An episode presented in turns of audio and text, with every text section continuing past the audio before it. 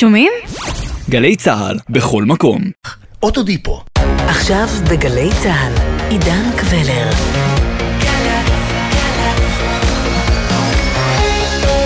מה שקורה עכשיו. שלום לכם, מאולפן 360 ביום, ההסכת היומי של גלי צה"ל. הזדמנות מעולה לחצי שעה של העמקה, כל יום בנושא אחד שמעסיק את כולנו מ-360 מעלות. בלשונות רבות מספור דיברנו, וזה את זה כמעט בכלל שלא הכרנו, ומקומות רבים מאוד עזבנו, ורק מקום אחד רצינו ואהבנו.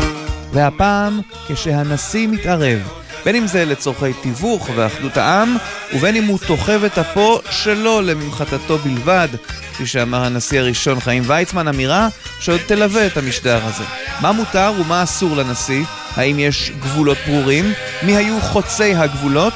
ומי העדיפו להישאר בדלת אמותיהם הטקסיות בלבד? בואו נבדוק במסע שלפנינו. בדרך בלי את סוף הדרך אז רגע לפני שנדבר בשמות וניתן בהם סימנים, בואו נבין בכלל מה כל עניינו של מוסד הנשיאות. כן, כן, דנו בזה הרבה, ובכל זאת, בואו ננסה להגדיר. דוקטור דנה בלנדר, עמיתת מחקר במכון הישראלי לדמוקרטיה, יש בכלל מה לקנא בנשיא מבחינת הדברים העומדים לפתחו? אני לא מקנאה בנשיא, כי נשיא במדינת ישראל הוא אמור להיות uh, סמל. הסעיף הראשון של חוק יסוד uh, הנשיא אומר, בראש המדינה עומד הנשיא. בדיון על החוק, מנחם בגין התבדח שהוא לא יודע מה זה לעמוד בראש. יושבים, אבל לא עומדים בראש. אז כבר מלכתחילה היה איזושהי עמימות בנוגע למה המשמעות שלה, אז להיות סמל ב- למדינה. גם ויצמן, הנשיא הראשון, אמר לא, שהוא לא מבין, אמרו לו שהנשיא מהווה סמל והוא לא מבין מה הוא אמור להיות. Uh, החוק לא קובע בעניין הזה דברים, הוא נותן לנשיא uh, תפקידים טקסיים, והוא נותן לו גם כמה תפקידים יותר נגיד אה, ביצועים עם קצת שיקול דעת, אה, כמו חנינה והטלת התפקיד של הרכבת הממשלה, אבל אה, בעיקרון מקובל לומר שהנשיא מסמל את אחדות העם. עכשיו מה עושים כשנשיא מסמל את אחדות העם? ובעצם אין אחדות בעם, את מה בדיוק הוא מסמל. אז הוא באמת מסמל את האפשרות, נאמר, להידברות, את האפשרות להגיע לפשרה, וזה באמת התפקיד של הנשיא. עכשיו, אפשר להגיד, אתה נשיא, נשיא המדינה, זה תפקיד אה, רם מעלה, האם אתה יכול פשוט לשתוק כשיש עניינים שנויים במחלוקת? זה מצד אחד, אנחנו לא רוצים שהנשיא ייתפס כדמות מפלגתית, כשהוא באחד הצדדים, כי הדבר הזה פוגע באמון וביוקרה של מוסד הנשיאות. מצד שני, לא יכול להיות שיש לו תפקיד כזה רם מעלה, והוא שותק לנוכח האירועים, אז בעצם בוא נאמר, בשביל מה צריך את הנשיא? או, oh. אז לשאלה הזו בדיוק ענה הנשיא המנוח יצחק נבון בריאיון בגלי צה"ל לרגל פרישתו בשנת 1983. כי הכל תלוי בשאלה אחת בלבד, מה אתה רואה במילה סמל? מה אתה יכול לעשות בתפקיד שהוא כולו סמל? לא צריכים סמכויות, לא צריכים תקציבים, לא צריכים אנשים, שום דבר. אבל יש משהו כל כך גדול וחשוב ששמו סמל. ובכוחו אתה עושה מה שאתה עושה. אז אני לא צריך סמכויות, ואני אומר לך, ייקחו את כל הסמכויות, וזה לא היה סתם פרזה, אני לא, לא... איזה סמכויות היו שם של חנינה, שיקחו את זה. לתת לשגרירים לקבל כתב אמנה, שייתנו את זה למישהו אחר. לא, לא, לא, לא צריך את זה. אתה בעצמך אמרת, אדוני. זה לא נחוץ. אתה אמרת בזמנו אה, שכוחו של הנשיא במיעוט סמכותו. תאר לך, אני שואל אותך ברצינות, נניח שהנשיא היה מקבל סמכות, נניח, לבנות שיכונים, בסדר? יש שר שיכון, אבל הנה גם הנשיא. טוב, אז אני הייתי מתחיל לבנות שיכונים, והיה משתרך אצלי תור בבית הנשיא של זוגות צעירים, של משפחות מרובות ילדים, של אה, קשי יום ומראה נפש ומבקשים והקצוות ומשכנתות. נו, מה זה היה נותן, הסמכות הזאת? מה זה היה מוסיף למוסד הנשיאות? היו נותנים אה, סמכות, פעם מישהו הציע שהנשיא יהיה המפקד העליון של הצבא. כמו שיש באיזושהי ארץ. נו, נו, אז מה? אז נניח שמבצע לבנון, הייתי אני מנהל את המלחמה, אה, הייתי אני ממנה את הרמטכ"ל, יש שר ביטחון, יש ממשלה, זה לא סביר בקונסטיטוציה הקיימת. כן, אבל מה שמעניין זה שבדיוק לעניין הזה, מלחמת לבנון הראשונה, מבצע שלג, שלום הגליל, נבון התייחס אליו ועוד איך לדברים שבאו ואף איים להתפטר. כלומר, דברים הקשורים בהסתבכותו של המבצע הזה. מיכאל טוכפלד, עיתונאי מקור ראשון שכתב בעבר על הנשיאים ודבר התערבותם בפוליטיקה ובמדיניות, אכן מספר שנבון נקט עמדה, במיוחד באירוע הספציפי הזה. ההתערבות שלו הביאה להקמת ועדת החקירה לאירועי סברה ושתילה, שזה היה גם טראומה אה, שעברה על המדינה. והוא אה, באמת עמד במרכז של הדרישה להקים ועדת חקירה לסברה ושתילה, הוא יזם אה, הופעה בטלוויזיה לדרוש את זה בפומבי. בגין לא היה, לא רצה את ה... ראש הממשלה דאז, מנחם בגין, לא רצה את, ה, את ועדת החקירה. הוא אמר שאם נקים ועדת חקירה, זאת אומרת שאנחנו מודים שאנחנו אשמים, ונבון אחר כך כתב בספר שלא, אנחנו צריכים להראות שאנחנו לא מסתירים שום דבר וצריך להקים ועדת חקירה ממלכתית שתחשוף את, ה, את האמת, ו, ובאמת בסופו של דבר ועדת חקירה כזאת uh, קמה. הנשיא יצחק נבון, שאיים להתפטר בעצם, אם לא יקימו ועדת חקירה ממלכתית uh, לחקר אירועי סברה ושתילה, כשבעצם האיום הזה שלו, יחד עם ההפגנה שידועה כהפגנת ה-400 אלף, זה הוביל להקמת ועדת חקירה ממלכתית ולהעברה של אריאל שרון מהתפקיד שלו כשר ביטחון. וזה בדיוק הזמן שלנו ללכת הכי אחורה שרק אפשר, לנשיא הראשון, חיים ויצמן, שהממחטה שלו היא המקום היחיד שלתוכו הרשה לו בן גוריון לדחוב את אפו. כך נהג לומר. מיכאל טורפלד. ויצמן רצה לשלוח מברק לטרומן לבקש נשק לישראל, הוא אמר לא, אה, רצוי להעיר, קרא לזה, קראו לזה נשיא מועצת המדינה, שהוא לא יכול לבוא בדברים עם נשיא אה, ארצות הברית. ובעקבות ההערה הזאת אמר וייסמן את, את אותו משפט uh, שהוא אמר, אבל הוא באמת, הוא, הוא, הוא היה על סף התפטרות, הוא אמר, אחר כך כבר, uh, באותו זמן שר, החוץ היה משה שרת, והוא כתב לשרת, אני לא מוכן להשלים שאני אהיה רק שותף סביל במפעל המתנהל על פי קווים שאינני יכול לסמוך ידי עליהם. אז כבר עמד להתפטר, אבל בסופו של דבר, אתה יודע, כמו כל אלה שמאיימים בהתפרטות, אז גם הוא בסופו של דבר לא... לא, לא יתפטר. בן גוריון רצה אולי את גדול היהודים בדורות שקדמו לדור הזה שלנו, אבל גם לאותו יהודי היו שאלות לגבי המתח שבין הייצוג לבין הבעת הדעה. דוקטור דנה בלנדר. אחרי שחיים ויצמן אה, נפטר, פנו לאלברט איינשטיין, רצו שהוא יהיה נשיא מדינת ישראל. הייתה בעיה קטנה שהוא לא היה אזרח והוא היה צריך בשביל זה אזרחות ישראלית, אבל כשפנו אליו הוא סירב, והוא uh, כתב במכתב, בעצם הוא הסביר שאחת הסיבות, הוא אמר אני לא, אני מבין בפיזיקה, אני לא מבין בעניינים כאלה, אבל הוא גם אמר מה יקרה אם הממשלה או בית הנבחרים יחליטו איזושהי החלטה שתביא אותו להתנגשות uh, מצפונית. הוא אמר, עדיין יש לי אחריות מוסרית למה שיעשו הממשלה ובית הנבחרים הזה, אם אני נשיא, אפילו שאין בסמכותי להשפיע. זאת אומרת, כבר הדילמה הזאת של מה זה להיות נשיא אה, במדינה ולהיות אה, טקסי וסמלי, והוא קרא לזה אופי קישוטי אה, לתפקיד, אז זה כבר התחיל בתחילת הדרך.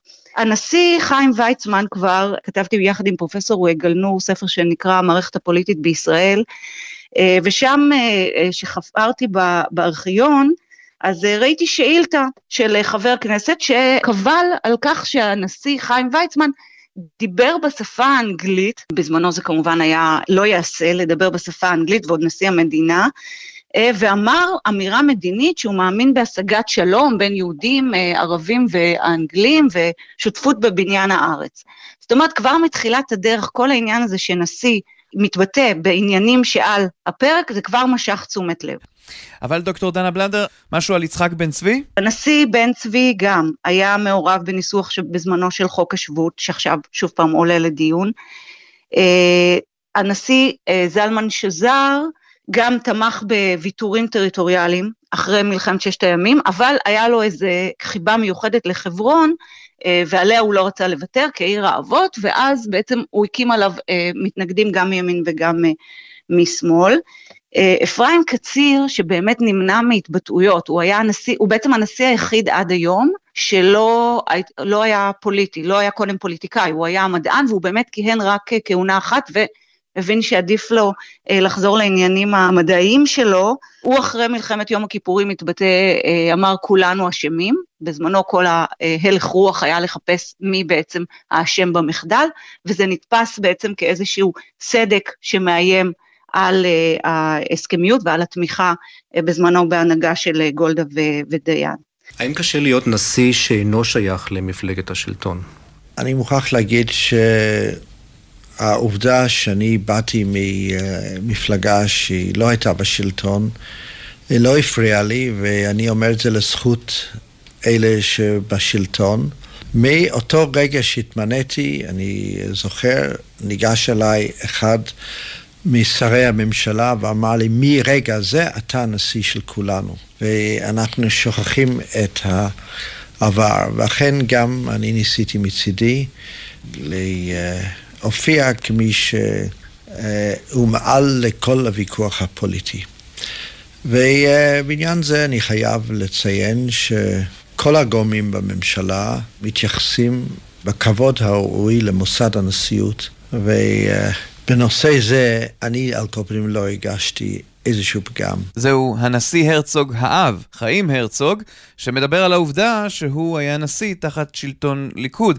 אבל היו שם עוד עניינים נוספים אצלו, והוא בהחלט ידע להביע את דעתו, ובמקרים מסוימים הוא עשה את ההפך הגמור, כאילו נכנע לבקשות של ראשי הממשלה המשותפים שהיו אז, במיוחד בפרשת קו 300, פרשת השב"כ אצל פרס ושמיר. מיכאל טורפלד. בפרשת קו 300, הוא בעצם היה זה שצריך לתת את החנינה לבכירי השב"כ. אה, זה היה ממש, אפשר לומר אפילו בניגוד לעמדתו, אבל לא הייתה לו שום ברירה.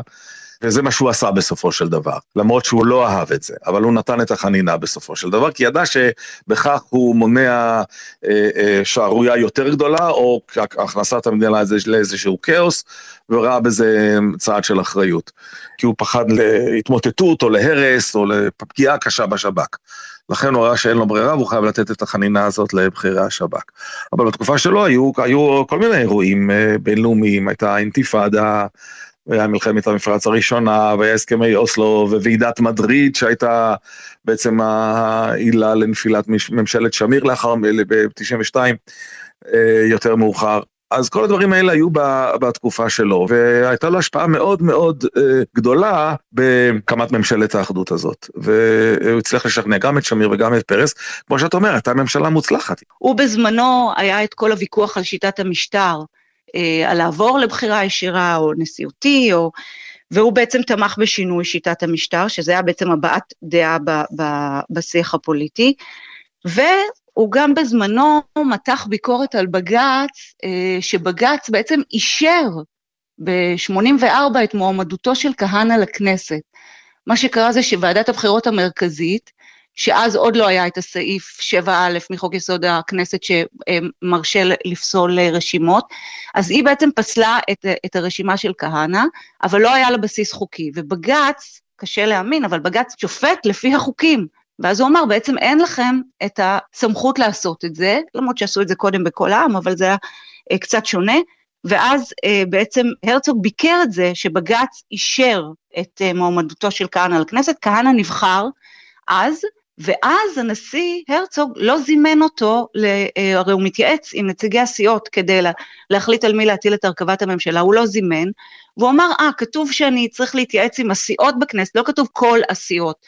אז הוא פשוט לא זימן את כהנא אליו לבית הנשיא. אז אם אצל הרצוג האב ראינו בעיקר דאגה לשלום החברה הישראלית ופעולות אה, כדי לנסות לאחד אותה ולפתור משברים כאוטיים, הרי שהנשיא שבא מיד אחריו הוא דווקא כנראה יצר משברים בחוסר התקינות הפוליטית בה התאפיין. מיכאל טוכפלד, אנחנו מדברים על עזר ויצמן, שתחת כהונת נתניהו ביקש להיפגש עם יאסר ערפאת, אחרי כמובן הסכמי אוסלו, אבל נזכיר, ערפאת מעולם לא היה כאן אישיות רצויה, ודאי אחרי פיגועי ההתאבדות הנוראים. זה קרה אצלו בבית, אצל ויצמן. אני זוכר, אני נסעתי לקיסריה לפגישה הזאת, הוא הזמין את, את ערפאת אליו הביתה בקיסריה. הוא היה מוכן להזמין אותו דרך אגב למשכן הנשיא, ויצמן אין לו עכבות. הוא אמר כל מה שבא ליבו ועשה כל מה שחשב והיה מאוד אימפולסיבי והוא רצה להזמין את אה, ערפאת, אבל הוא, בכל אופן בסופו של דבר הוא הבין שלהזמין את ערפאת לירושלים זה כבר יהיה יותר מדי. אז הוא הזמין אותו לבית בקיסריה. ואז ראש הממשלה דאז, בנימין נתניהו, והוא הרגיש שויצמן פשוט מזלזל, מההתחלה ויצמן די, די זלזל בו. הוא אמר למקורביו, אנחנו נחנוך אותו, התכוון לנתניהו, אנחנו כבר נ, אנחנו נלמד אותו. נתניהו היה הרי ראש הממשלה ב-96 חסר ניסיון. ובהחלט הוא יזם מהלכים מדיניים, אה, לא רק עם ערפאת, גם עם קלינטון. פעם היה איזה תקרית בבית הלבן, ששם השתתף גם השגריר אליהו בן אליסר, ו...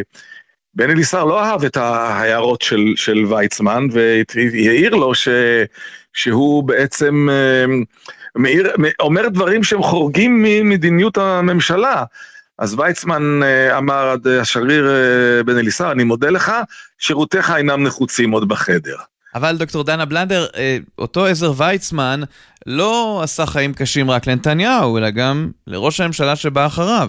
הוא גם התבטא מאוחר יותר כשברק היה לגבי המשא ומתן עם הסורים, ועוד קודם, בתקופה של רבין, הוא גם במסגרת הסכם הביניים עם הפלסטינים ב-93, היה צריך לחון אסירים פלסטינים, זה היה חלק מההסכם, והוא בעצם לא אהב את זה שהוא אמור להיות חותמת גומי לעניין הזה של החנינה, ובהתחלה הוא סירב, ואחר כך הוא בעצם כן עשה את זה, אבל הוא עשה לא חנינה קולקטיבית וכמו חותמת גומי, אלא הוא עבר מקרה-מקרה.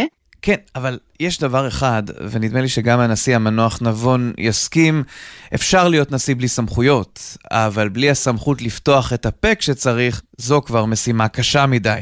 נחזור לרעיון שלו בגלי צה"ל, עת פרש ב-1983. השאלות שאתה שואל, ואל תיפגע בבקשה, מאוד אופייניות לשני סוגי אנשים, לפוליטיקאים ולעיתונאים. עמכו לא שואל את השאלות האלה שאתה שואל. הוא לא מתעניין סמכות, לא סמכות. הוא רואה את הנשיא. מה זה מעניין אותו סמכויות? הוא מסמל בשבילו את המדינה, וזה מספיק לו. אני שאלתי, אדוני הנשיא, את השאלה משום שנדמה לי שאתה התקוממת בזמנו כנגד ההגדרה של תפקיד הנשיא כסמל. חלילה. מה פתאום זה סמל? השאלה היא מה עושים בסמל. אני לא התקוממתי. אני לא התקוממתי, אני רק לא אוהב את הציניקניות הזאת. ושוב מצטטים את ויצמן כל הזמן לסמבל, לסמבל. כן, אדוני, כן. ויצמן איננו בחיים, והוא הגיע לנשיאות בסוף חייו, מר נפש, ואחר שהיה בתפקיד פעיל בהסתדרות הציונית, אז אני מבין את המעבר הגדול שהיה לו. בית איש לא מכריח אף אדם להיות נשיא. איש לא כופה את זה. אתה אינך רוצה, אל תהיה. אתה יודע מה התפקיד, אתה יודע מה המגבלות המעשיות שלו. ה... יש מגבלה קשה מאוד, והיא שאתה אינך יכול להביע דעותיך בכל עניין השינוי במחלוקת. זוהי מגבלה קשה, למי שאכפת לו. למי שיש לו, נאמר, חושים פוליטיים, למי שיש עבר פוליטי, זוהי מגבלה באמת קשה. בן גוריון, שקל שנקל, אוי כפרה, אריק איינשטיין הגדול, היידה היידה, היידה הייטק, למשטרה 1-0-0, דמקה דמקה, מתקה מתקה, אוהבים אותך שמעון פרס. כל הנשיאים, אם, אם לפני כן היו נשיאים שיכולת עוד איכשהו לחשוב שיתערבו ככה, גם כשיתערבו לא יהיה ממש בצורה התערבות בוטה וממש לא ינהלו מדיניות ולא זה. אצל פרס מראש מלכתחילה היה ברור שפרס בתור איש פוליטי, בתור איש, בתור ראש ממשלה לשעבר, אה, אה, לא יוכל לשקוט על שמרה ואין שום סיכוי שהוא ידחוף את האף לממחטה. ובאמת, אה, אגב, פרס נסע לוושינגטון לפגוש את הנשיא דאז אובמה ב-2009, עוד לפני ראש הממשלה נתניהו. נתניהו באיזשהו מקום אפילו השתמש בו, לסדר לו את הפגישה, שתהיה פגישה יותר נוחה עם, עם אובמה, כי ברור ש, שהולך להיות עימות, עימות ביניהם. ואז אה, הוא גם שלח אותו לפגוש את אבו מאזן בלונדון, ואח, אבל אחר כך, ש, שאחר כך ברגע האחרון התחרט והוא ביטל את זה, ואומרים שזה בגלל... אה, לא יודע, לחצים, לחצים מבית. פרס היה הרי דמות מאוד מאוד פופולרי, הסמל של המדינה, הוא, היה, הוא לא התנתק אף פעם מהפוליטיקה, ואין שום סיבה שהוא יתנתק מהפוליטיקה, גם כשהוא, כשהוא על כס נשיא המדינה. דוקטור דנה בלנדר, את בעצם מתחברת לדברים הללו, אבל אומרת בהתחלה, הוא ניסה דווקא, אותו פרס, לא ללכת עד הסוף עם ההתבטאויות. הוא השתדל לא להתבטא, אבל היו לו כמה הזדמנויות התבטאויות שהיו שנויות במחלוקת. בתקופתו היה את המחאה החברתית, הוא התבטא בחיוב בקשר לזה, וגם הייתה לו התבטאות שגררה הרבה ביקורת בעניין יוזמה לתקיפת מתקני הגרעין באיראן. ובסוף שנת 2012, ערב הבחירות לכנסת ה-19, הוא הביע עמדה די ברורה בקשר לפתרון שתי המדינות. הוא אמר, אז יש רוב ברור בעם בעד עקרון שתי מדינות לשני עמים, כשבזמנו זה היה שינוי במחלוקת, זאת אומרת, זה לא היה מוכח שבאמת יש רוב ברור בעם אה, לפתרון הזה. ועוד נשיא שהגיע מתוך תוככי הפוליטיקה והכיר את כל המבוכים והנבכים שיש בה, זהו הנשיא ראובן ריבלין. ואצלו את אומרת לנו, ממש ממש לא היה שקט, או סקנדל או פסטיבל.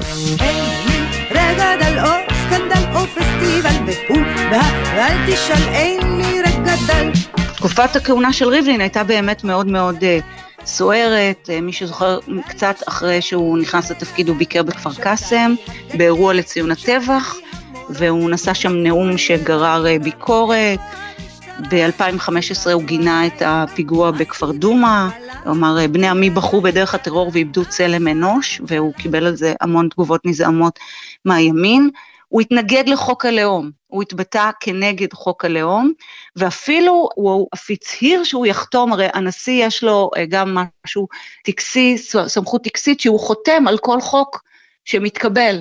ובעצם אה, הוא אה, אמר שהוא יחתום כמחאה על הפגיעה בשפה הערבית, הוא יחתום בערבית. הוא לא, לא חושב שהוא חתם בערבית, לא חושב שאפשר. והיה גם את נאום השבטים, כלומר הנאום שזכה לכינוי נאום השבטים, שממנו גם רבים לא רבו נחת. התהליכים הדמוגרפיים המעצבים מחדש את פניה של החברה הישראלית יצרו למעשה סדר ישראלי חדש. סדר שבו אין עוד רוב ברור ואין מיעוטים ברורים. סדר שבו החברה הישראלית מורכבת מארבעה מגזרים ואם נרצה ארבעה, שבט, ארבעה שבטים מרכזיים שהם שונים במהותם, אלה מאלה שילכו ויתקרבו זה אל זה בגודלם, שבו בין אם נרצה ואם לאו מבנה הבעלות על החברה הישראלית ומדינת ישראל משתנה כך לנגד עינינו. שבעים שנה במכונית, אני נוסע ומביט על מה היה ומה נהיה, ואיך נפשי עוד הומייה. אז ראינו שיש נשיאים שהתבטאו יותר, התבטאו פחות, חלקם פעלו לאיחוד העם, אבל רובם המוחלט פעל לנסות לשים את הבלם האחרון רגע לפני שהחברה הישראלית מידרדרת אל התהום. עד כאן 360 ביום, ההסכת היומי של גלי צה"ל. בכל יום 30 דקות של צלילה לתוך נושא אחד שמעסיק את כולנו מ-360 מעלות. אנחנו זמינים לכם ביישומון גלי צה"ל ובכל יישומוני ההסכתים המובילים.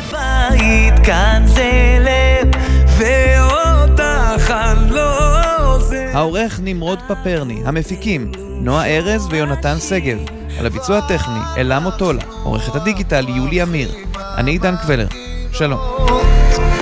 שבט אחים ואחיות. אותה שכונה. אותו רחוב תרי סרבנים של יעקב. אוספים ביחד נדודים. בתוך תרמיל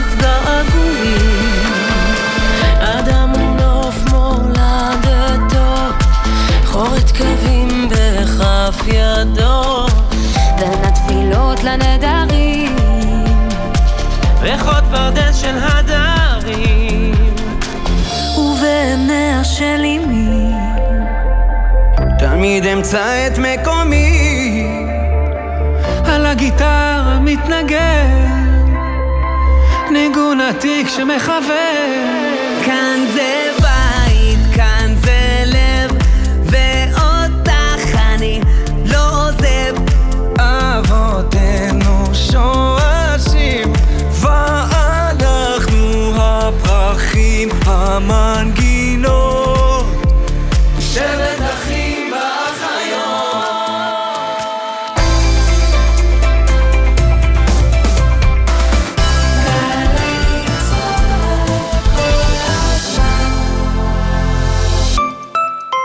מרתון ווינר ירושלים מגיע למקומות הכי יפים, עם היסטוריה בת אלפי שנים.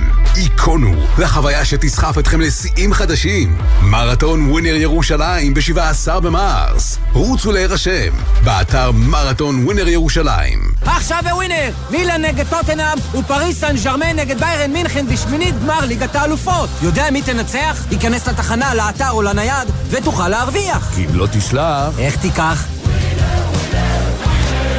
למצוא חנייה כדי להוריד את הקטנצ'יק למעון יום זה טיק.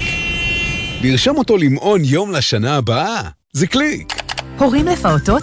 שימו לב, גם השנה הרישום למעונות יום מתבצע באופן מקוון ונגיש, בלי לצאת מהבית. מחפשים ברשת מעונות יום מסובסדים, נכנסים ורושמים את הקטנטנים למסגרות שמסבסד משרד העבודה. אז מהרו והבטיחו לילדיכם מקום בקליק. ההרשמה מסתיימת ב-21 בפברואר. משרד העבודה, יש עם מי לעבוד.